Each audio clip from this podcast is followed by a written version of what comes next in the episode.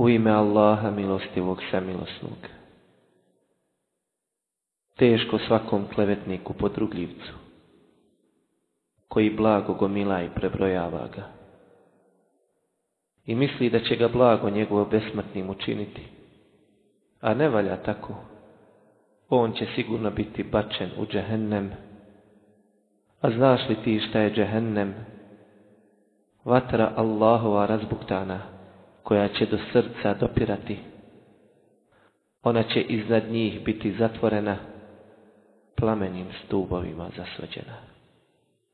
Innal hamdalillah nahmaduhu wa nasta'inuhu wa nastaghfiruh wa na'udhu billahi min shururi anfusina wa sayyiati a'malina من يهده الله فلا مضل له ومن يضلل فلا هادي له وأشهد أن لا إله إلا الله وأشهد أن محمدا عبده ورسوله يا أيها الذين آمنوا اتقوا الله حق تقاته ولا تموتن إلا وأنتم مسلمون يا أيها الناس اتقوا ربكم الذي خلقكم من نفس واحدة وخلق منها زوجها وبث منهما رجالا كثيرا ونساء واتقوا الله الذي تساءلون به والأرحام إن الله كان عليكم رقيبا يا أيها الذين آمنوا اتقوا الله وقولوا قولا سديدا يصلح لكم أعمالكم ويغفر لكم ذنوبكم ومن يطع الله ورسوله فقد فاز فوزا عظيما إن أصدق الحديث كتاب الله وخير الهدي هدي محمد صلى الله عليه وسلم وشر الأمور محدثاتها وكل محدثة بدعة وكل بدعة ضلالة وكل ضلالة في النار أما بعد هو الله بربوي بويت سأوزي شنوغ الله سبحانه وتعالى أجت نيغو كنيغو إرازمي شايته ونيغو إم آيتما Znajte da vam je vaš gospodar objavio svoju plemenitu knjigu u kojoj su smjernice za naš život.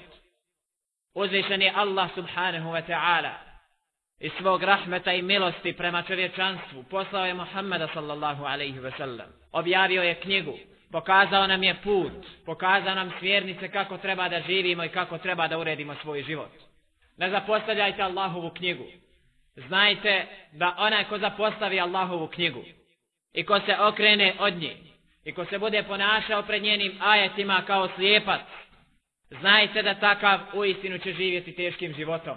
Kaže uzvišeni Allah subhanahu wa ta'ala govoreći o vrednotama Kur'ana. Inna hada l'Qur'ana jehdi lillati hiya akvam. Vajubeširu l'mu'minina alladhina ja'maluna salihati anna lahum ajran kebira. Ovaj Kur'an vodi jedinom ispravnom putu. U Kur'anu su prave smjernice kako trebamo živjeti. To je jedini ispravni pravi put kojim treba da čovjek korača. To je jedini ispravni moral kojeg treba čovjek da živi u svome životu. I vjernicima koji čine dobra djela radosnu vijez donosi da ih čeka nagrada velika. Ovaj Kur'an mu'minima koji su pokorni svome gospodaru donosi radosnu vijez. Da ih čeka nagrada velika.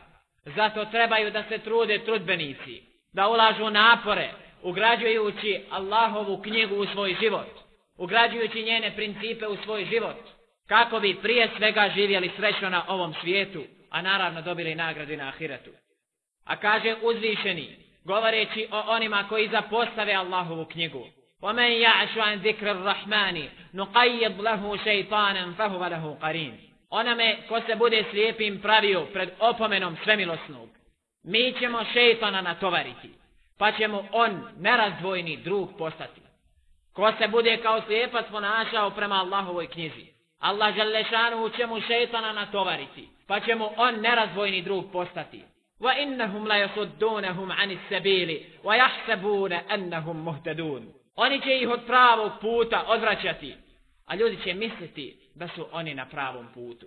Mi ćemo danas inshallah taala provesti ove dragocjene trenutke govoreći o izuzetno kratkoj suri iz Kur'ana, koju većina skoro da kažemo možda nema niko da je ne poznaje na pamet. To je sura Vajlul li kulli humezatil lumeze. Sura koja sadrži u sebi mnogobrojne poruke. Sura koju ako čovjek ugradi u svoj život, osjetit će velike promjene na cjelokupnom svom životu. Osjetit će cjelokupne promjene na sreći u životu na ovom svijetu. Ako je bude ugradio u život, zasigurno će osjetiti inša Allahu ta'ala i nagradu na ahiretu. Kaže uzvišeni Allah subhanahu wa ta'ala Vajlu li kulli humezati lumeze Teško svakom klevetniku podrugljivcu. Riječ vejl u arapskom jeziku ne znači teško. Ali pošto je naš jezik posiromašan, ne može se to dočarati u onom pravom smislu kako to glasi na arapskom jeziku. U arapskom jeziku kada se kaže vejlun, To je znak prijetnje, znak kazni. Kazna je pripremljena za svakog podrugljivca i klevetnika. Vejl, po mišljenju nekih mu festira, je dolina u džahnem.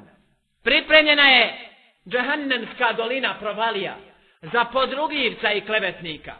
To je onome koji, riječi, koji riječima kleveći i dijelima se podruguje. To je ono što će pokazati ovako rukom na nekoga i, i mignuti. To je podrugivanje i smijavanje. To je pocijenjivanje drugih ljudi. Ovo je zabranjeno u islamu. Ono što mnogi imaju običaj, pokazuje na nekom ili za leđa, miga na njega. Ovo je podrugivanje i smijavanje. I kazna je pripremljena za onoga ko se bavi ovim. Ko sponižava druge ljude koji ih smijava, koji ih pocijenjuje i omalovažava. Jer islam je došao sa svim plemenitim osobinama. Sa najboljim ahlakom i moralom. Tako da nije dozvoljeno čovjeku da omalovažava nekoga, da ga pocijenjuje i ponižava. Nije dozvoljeno da ga vrijeđa svojim jezikom. Nije dozvoljeno da ga naziva ružnim nadimcima, da ga zove imenima koja su zabranjena i kojima ga ne bi smio zvati. To je zabranjeno u islamu i to je od islamskog morala i ahlaka. Kaže uzvišeni Allah subhanahu wa ta'ala وَيْلُ لِكُلِّهُ مَزَةِ اللُّمَزَةِ Teško svakom klevetniku podrugljivcu. Allazi jama'a malan wa 'addada. Koji sakuplja blago. Samo ga gomila. Wa 'addada i prebrojava ga. Podani ga sakuplja. Ne vodeći računa o onome što je zabranjeno. Zapostavljajući vađibe i sunnete. A po noći kada dođe prebrojava ga i računa i cijelo vrijeme je u nekim računima. I onda kada se lijepo umori od prebrojavanja i metka, onda zaspe tako da zaboravi na Allaha tebareke ve ta'ala. Dan je proveo u zaboravu od Allaha, zapostavljajući njegove propise, kršeći njegov šerijat. I kada je došla noć, opet je zapostavio Allaha tebareke ve ta'ala, pa je opet zauze tim imetkom i onda ga prebrojava. Pa kada se lijepo namući i napati, prebrojavajući taj imetak, onda zaspe daleko od sjećanja na Allaha tebareke ve ta'ala. Zaboravio je na svoga gospodara koji mu daje imetak da bi zekat dijelio i da bi namaz obavljao. Jahsebu enne malehu ahlede. On misli jadnik i miskin da će ga taj njegov imetak učiniti vječnim. Misli da će vječno hodati na ovoj zemaljskoj kugli i da će vječno sakupljati imetak. I misli da će ga taj njegov imetak učiniti vječnim. O Allahovi robovi, ne zaboravite Karuna koji je imao puno imetka. Ne zaboravite one koji su U prethodnim pokoljenjima mnogo toga imali. Imali su riznice, imali su bogatstva. Ali Allah te barake ve ta'ala poslao meleka smrti. Poslao je onoga koji narušava svaku slast u životu na ovom svijetu. Poslao je onoga koji u jednom momentu rastuži najsrećniji Poslao je onoga koji razvaja majku od djeteta, koji razvaja djete od majke, koji razvaja muža od supruge i suprugu od muža, koji razvaja roditelje od njihove djece i djecu od njihovih roditelja. Pošalje Meleka smrti i u jednom momentu uzme mu dušu i pomuti mu svu slas i imetka i života na ovom svijetu. O Allahovi robovi, posjećujte kaburove jer vas oni posjećaju na smrt.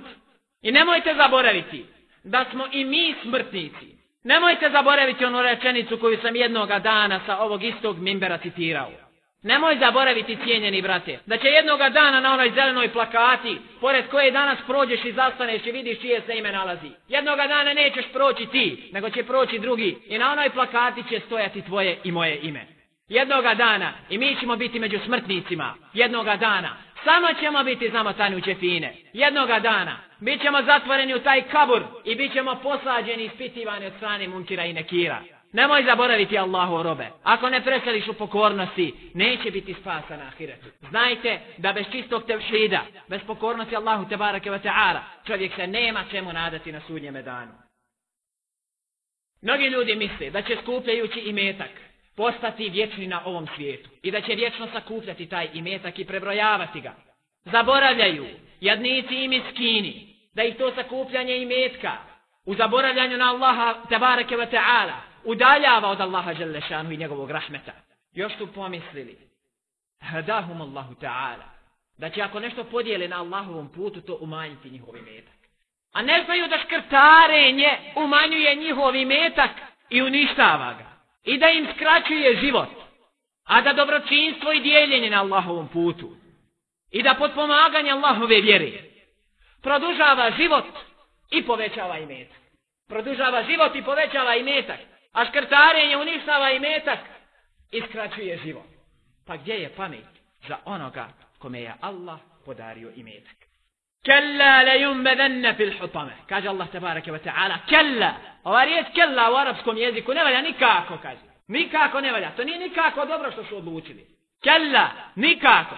Ovo što, to je već u, i po drugoj usi. Što sakupljaju imetak i prebrojavaju ga. I misle da će ih vječno, vječno im učiniti taj imetak.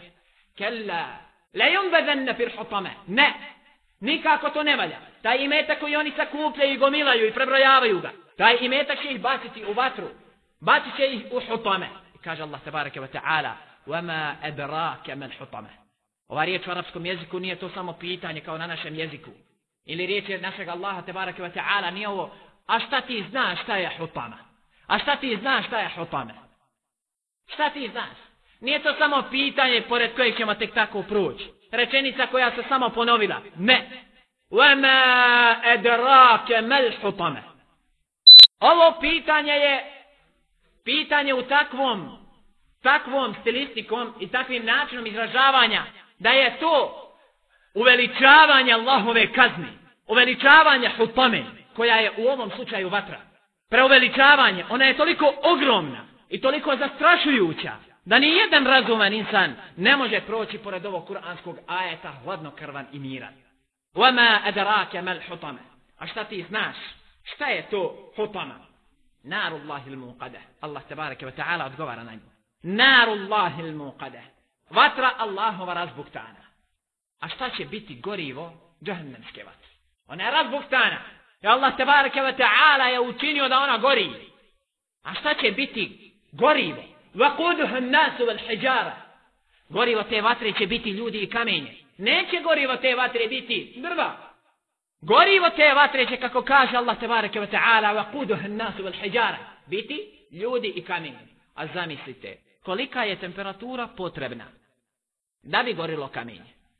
Kolika temperatura je potrebna da bi gorilo kamenje? I ova vatra koju mi koristimo, to je vatra koja je izaprana u vodi. To je 60. dio džahennemske vatre. Ta vatra je blaga. Ta vatra je prilagođena. Ta vatra nam je učinjena uslugom. I ona je za nas blagodat ovdje. Kada bi džahennemska vatra bila ovdje bačena, kada bi džahennemska vatra dokučila nas na dunjaluku, ovdje sve bi bilo uništeno. Jer ta vatra izgara sve.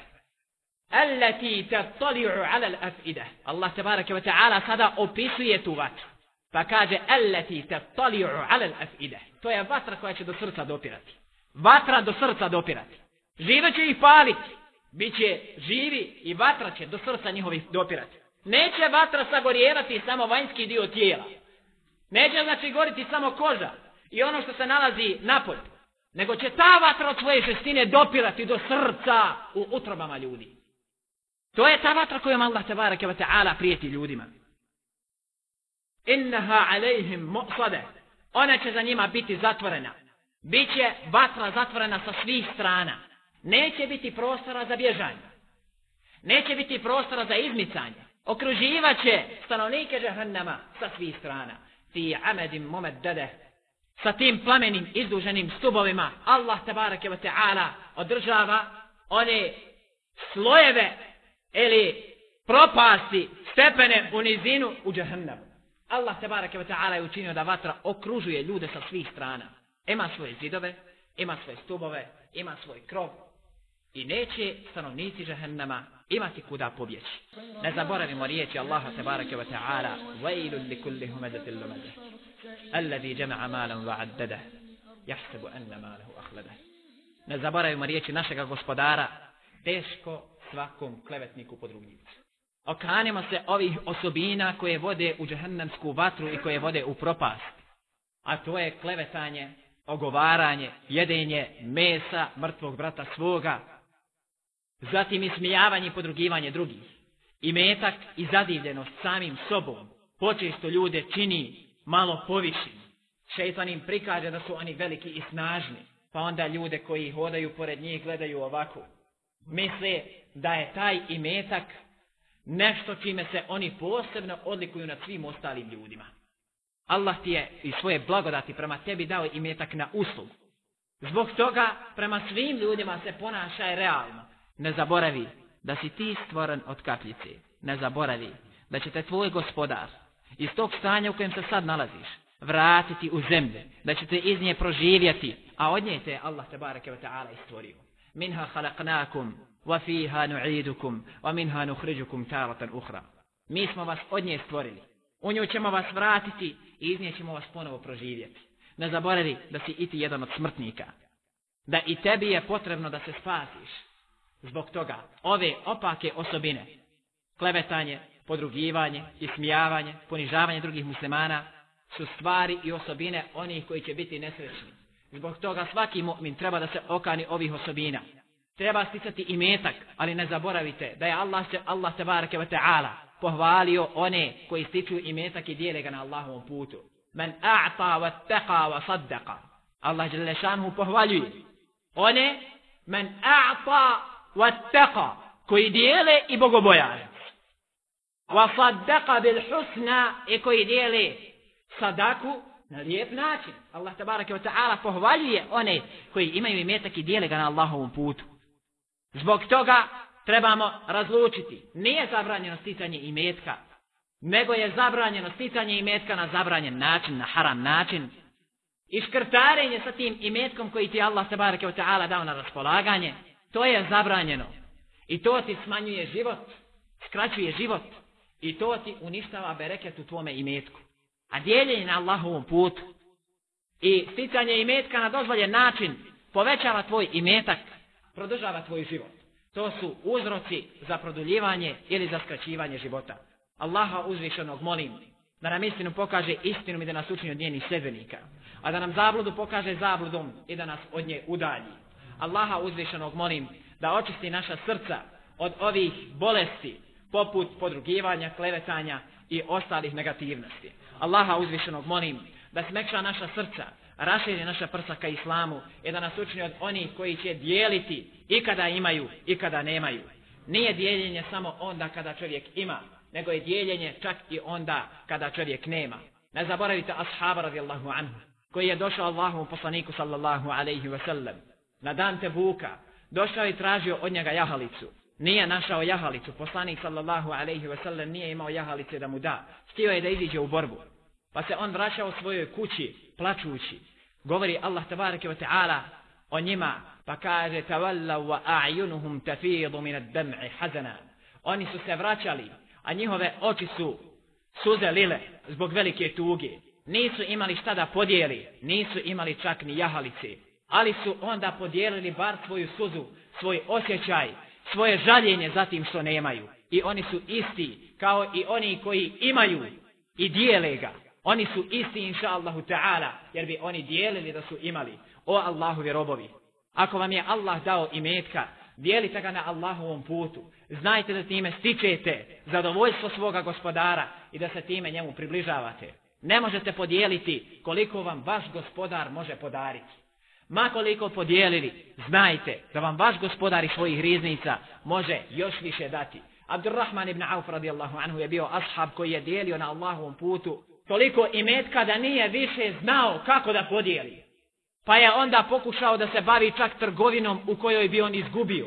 Pa je kupio hurme u Medini da ih pošalje u Irak. One bile skupe u Medini, izuzetno skupe. A u Iraku bile jeftine. Pa je Abdurrahman ibn Auf spremio karavanu. Kupio skupe hurme da ih proda po jeftinije Iračanima. Da izgubi malo od imetka, nije znao više šta će od njega. Pa kada je njegova karavana bila na putu za Irak, Allah tabareke wa ta'ala je dao da se pojavila bolest u Iraku. Za koju su bile lijek te hurme koje je Abdurrahman poveze u svojoj karavani. Kad je došao u Irak, te hurme su bile za duplo skuplje negoli u Medini. Pa mu Allah tabareke wa ta'ala opet uvećao njegov imetak, a on se potužio ashabima.